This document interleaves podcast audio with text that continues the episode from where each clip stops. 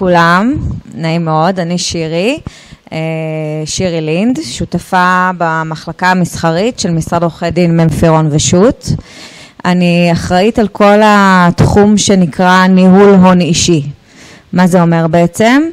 אה, אליי מגיעים בדרך כלל הלקוחות הפרטיים שמעוניינים לבצע תכנון אה, לגבי העתיד שלהם, אם זה צוואות, אם זה נאמנויות, אם זה תכנון של העברה בין דורית בעסקים אה, משפחתיים מדור אחד לדור אחר, ומעבר לזה אנחנו גם מתעסקים בכל מיני דברים שקשורים לירושה.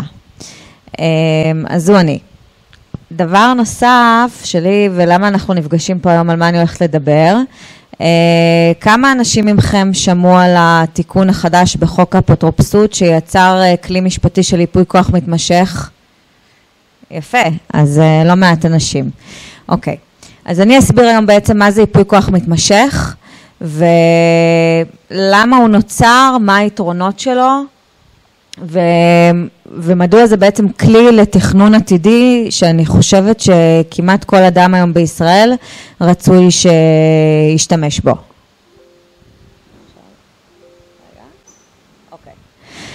אז אה, בעצם מה שאנחנו יודעים, יש, יש מהפכה יש מהפכת אה, זקמה, יש אה, הערכה של תוחלת החיים.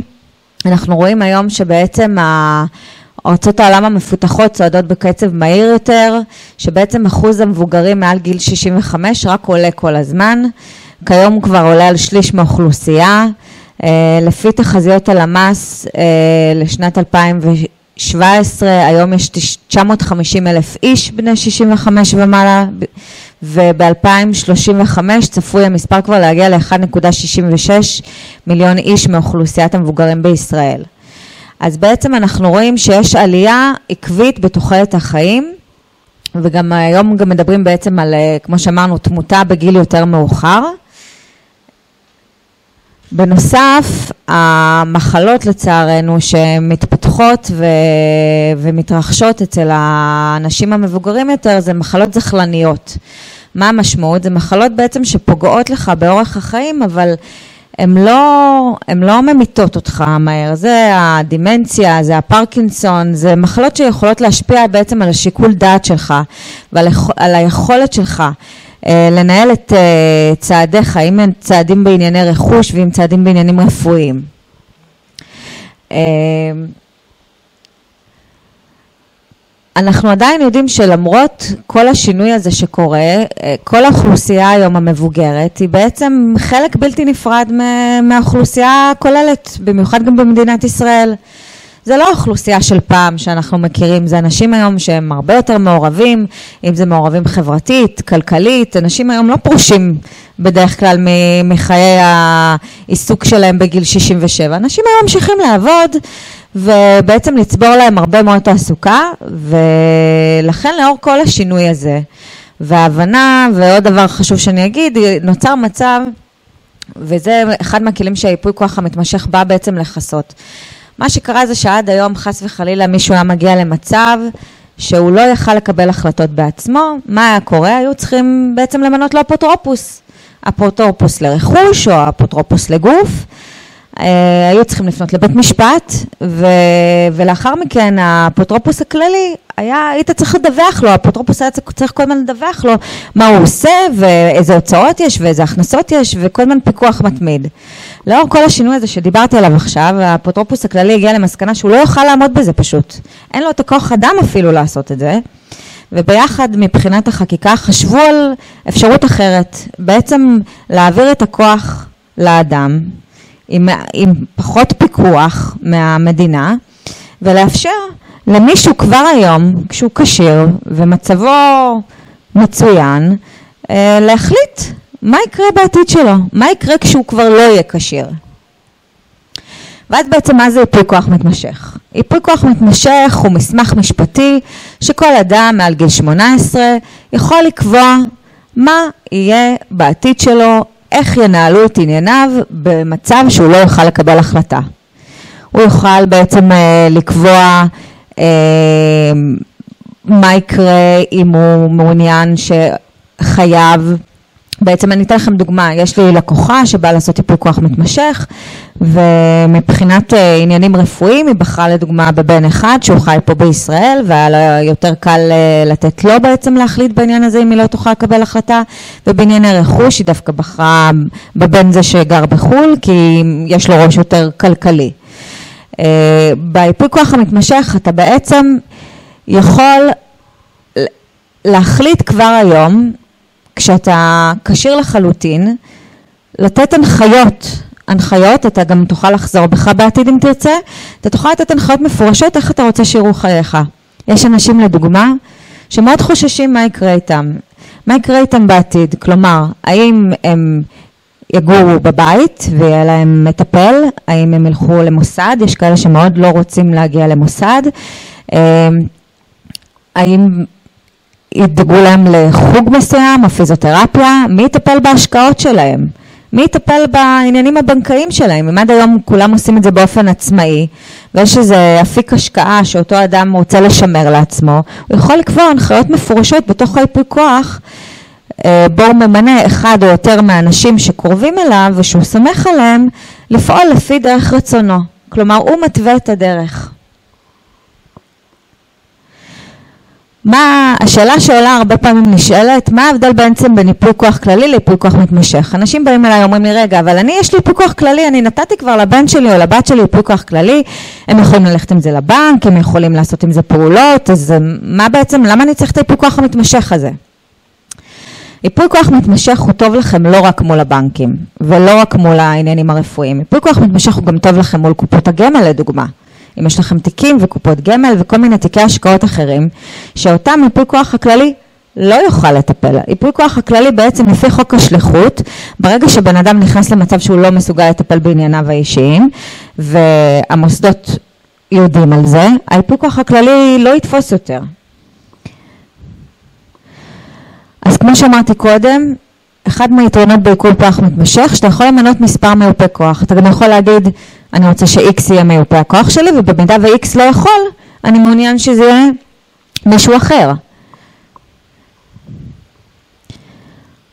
אתה יכול לקבוע גם דברים שקשורים לעניינים האישיים. לדוגמה, הייתה לי לקוחה שמאוד מאוד חשוב לה האסתטיקה שלה, לוודא שויהי מה ייקחו אותה פעם בשבועיים למספרה. היה לה חשוב. אנשים היום מאוד מאוד חוששים, גם במיוחד מה שקורה היום במוסדות ועם ה... או אה, גם הטיפול האישי בבית ולפעמים, וגם במיוחד נגיד הכלי הזה הוא סופר סופר חשוב למישהו ערירי, שלא נדע. מישהו ערירי ואין לו משפחה שדואגת לו, חייב לדעתי לבצע ייפוי כוח מתמשך ולתת הנחיות מפורשות. שאיך שהוא רוצה שידאגו לו, ולמצוא גם מישהו שהוא יכול לסמוך עליו ושמונה כמיופה כוח. Uh, לערוך ייפוי כוח מתמשך יכולים רק בעצם אנשים שעברו הסמכה, אמ, עברו לדעתי עד היום משהו כמו 2,700 עורכי דין בישראל הסמכה לייפוי כוח המתמשך. לאף אחד שעורך את הייפוי כוח המתמשך אסור להיות ממונה כמיופה כוח, שזה עוד דבר חשוב לדעת, כלומר לי אסור להיות ממונה כמיופת כוח עבור אף אחד שאני עורכת לו את ייפוי כוח, בשביל שלא יהיה ניגוד עניינים. וכמו שאמרתי, לגבי הרכוש זה מאוד מאוד חשוב בהיבט שאתה יכול באמת לקבוע איפה אתה רוצה לגור, אתה יכול לקבוע מה אתה רוצה לעשות אם יש לך נכסי נדל"ן, האם למכור, האם להשכיר, זה בעצם משאיר לך איזושהי שליטה. אפשר לקרוא לזה צוואה בחיים. אם היום אה, אנשים עורכים צוואה לגבי מה יקרה אחרי פטירתם ואיך העיזבון שלהם יחולק, אנשים גם היום יכולים לקבוע בעצם ביפוי כוח המתמשך הזה צוואה בחיים ולהחליט מה יקרה איתם באופן אישי, איך ידאגו להם ומה יקרה עם הרכוש שלהם. דבר נוסף בייפוי כוח המתמשך זה בעצם שאפשר למנות אנשים, מעבר למיופה כוח, אתה יכול גם למנות אנשים מיודעים. מה זה אומר? אפשר לקבוע לדוגמה שהעורך דין שלך או החשבון שלך או האחיין שלך, לא משנה מישהו שאתה סומך עליו, מעבר למיופה כוח, שמיופה הכוח כשהוא מקבל החלטה הוא חייב לידע עוד בן אדם. למה? זה בעצם ליצור איזשהו, עוד איזה איזון על מנת למי שיש לו קצת חשש ולא לגמרי סומך על מיופה הכוח, לתת אפשרות לעוד בן אדם שיראה בעצם את ההחלטות שמתקבלות, ואם יש איזושהי בעיה הוא גם תמיד יוכל לפנות לבית המשפט. קבלת שכר. קבלת שכר זה בעיקרון ניתן לקבוע בייפוי הכוח, הרבה פעמים כשמדובר בבני המשפחה אז בדרך כלל לא קובעים שכר, וכמובן מייפוי הכוח זכאי להחזר הוצאות. אז מה בעצם החלופות הקיימות שלנו היום בחוק מבחינת הכלים המשפטיים? אז כמו שאמרתי קודם יש את האפוטרופסות, שאפוטרופסות זה בהנחה ומישהו לא ערך ייפוי כוח מתמשך והוא מגיע למצב שהוא לא יכול אה, לנהל את ענייניו, יגיע היום בעצם ולא תהיה ברירה והמוסדות פשוט ידרשו מינוי של אפוטרופוס. אז אם זה אפוטרופוס לרכוש ואפוטרופוס לגוף. זה כמו שאמרנו, זה סרט אחר, זה קצת קשה, יש פה ענייני אגרות, יש פה עניינים של בקשה לבית המשפט, המערכת מאוד נכנסת ל... בעצם לעניינים האישיים, מפקחת על האפוטרופוס וצריך להגיש דוחות אחת לחצי שנה ואחת לשנה ולערוך ממש רישום מסודר של כל ההוצאות וכל ההכנסות. כאב ראש. מצד שני זה גם קצת יכולת פיקוח יותר אדוקה. חשוב להסביר שגם בייפוי כוח מתמשך פעולות משמעותיות כמו מכירת דירה, שיעבוד של רכוש ודברים כאלה, המיופה כוח לא יכול לעשות על דעת עצמו ללא קבלת אישור בית המשפט. כלומר, יש איזשהו עדיין פיקוח וסעיפים ששמרו בחוק שלא מאפשרים למיופה כוח לעשות מה שבא לו, וזאת על מנת באמת להגן שלא יהיה פה איזשהו עניין אה, לא רצוי, בוודאי. אוקיי, אז כמו שאמרנו, יש את האפוטרופסות, יש את ההנחיות המקדמות, המקדימות, סליחה, שאפשר בעצם להכניס ליפוי הכוח. אתה גם יכול uh, לקבוע רק מסמך של הנחיות מקדמות, בלי ייפוי כוח מתמשך, ובעצם שם אתה בעצם אומר, אני רוצה שבהנחה ואני אגיע למצב שאני לא אהיה כשיר, שהבן שלי יהיה האפוטרופוס שלי. אני יכול להגיד את זה. עד הכלי של הייפוי כוח המתמשך, רוב הלקוחות שהיו מגיעים אליי, זה מה שהיינו עושים להם, היינו מכינים מסמך שהוא בעצם הבעת רצון, שאמר מה הם היו רוצים שמי ימונה עבורם, ואז בית משפט לוקח את זה בחשבון. תמיכה בקבלת החלטות, יש אפשרות נוספת שאתה יכול בייפוי כוח המתמשך להחליט שאתה לא בהכרח רוצה מיופי כוח, אלא אתה רוצה שיהיה מישהו תומך בקבלת ההחלטות שלך, כלומר מישהו שילווה אותך. אמנם אתה לא במצב בהכרח אה, כאילו אם המוגבלות מאפשרת לך, יהיה לך תומך שיעזור לך לקבל את ההחלטה הזאת. ואז התומך הזה זכאי לקבל בעצם את מידע עליך, גם מגופים פיננסיים וגם ממוסדות הבריאות. יתרונות. היתרונות של הייפוי כוח המתמשך, אז כמו שאמרנו, מחליף ובא במקום אה, מינוי אפוטרופוס. הייפוי אה, כוח המתמשך מאפשר לממנה להחליט היום בשיקול דעת בהחלטה שקולה מי הוא רוצה שיהיה מיופה הכוח שלו, מה יהיו הסמכויות שלו, איך יתקבלו ההחלטות בקשר לעניינים. יש לי דוגמה, מקרה שבן אדם החליט למנות מיופה כוח אה, את אחד מילדיו ואמר אני רוצה שעד סכום לדוגמה של הוצאה של 50 אלף שקלים הוא יוכל לקבל אותו לבד, מעל 50 אלף שקלים ועד 200 אלף שקלים הוא יצטרך לקבל גם את הסכמת אחיו וככה הלאה וככה הלאה. אתה פשוט בונה לעצמך באמת ומסדר לעצמך את כל, ה, את, כל, את כל האופק של איך שאתה רוצה לראות את העתיד של הרכוש שלך ושל מצבך. אמ, אוקיי, מדובר, אמרנו, על תהליך הפיך, שבעצם בא לשמור על הכבוד של האדם, על הרצון שלו ועל הצרכים המשתנים שלו, מבלי לשלול לחלוטין את הכוח המשפטי. כלומר, אפילו אתה יכול להשאיר לך בייפוי הכוח המתמשך אפשרות שאפילו אם במידה ונקבע שאתה לא כשיר, ואתה החלטת שאתה לא רוצה שאותו מיופה כוח כבר יהיה מיופה כוח שלך, אתה יכול לבטל את זה, אתה יכול לשמור לך את האפשרות הזאת לחזור בך מכל מה שערכת.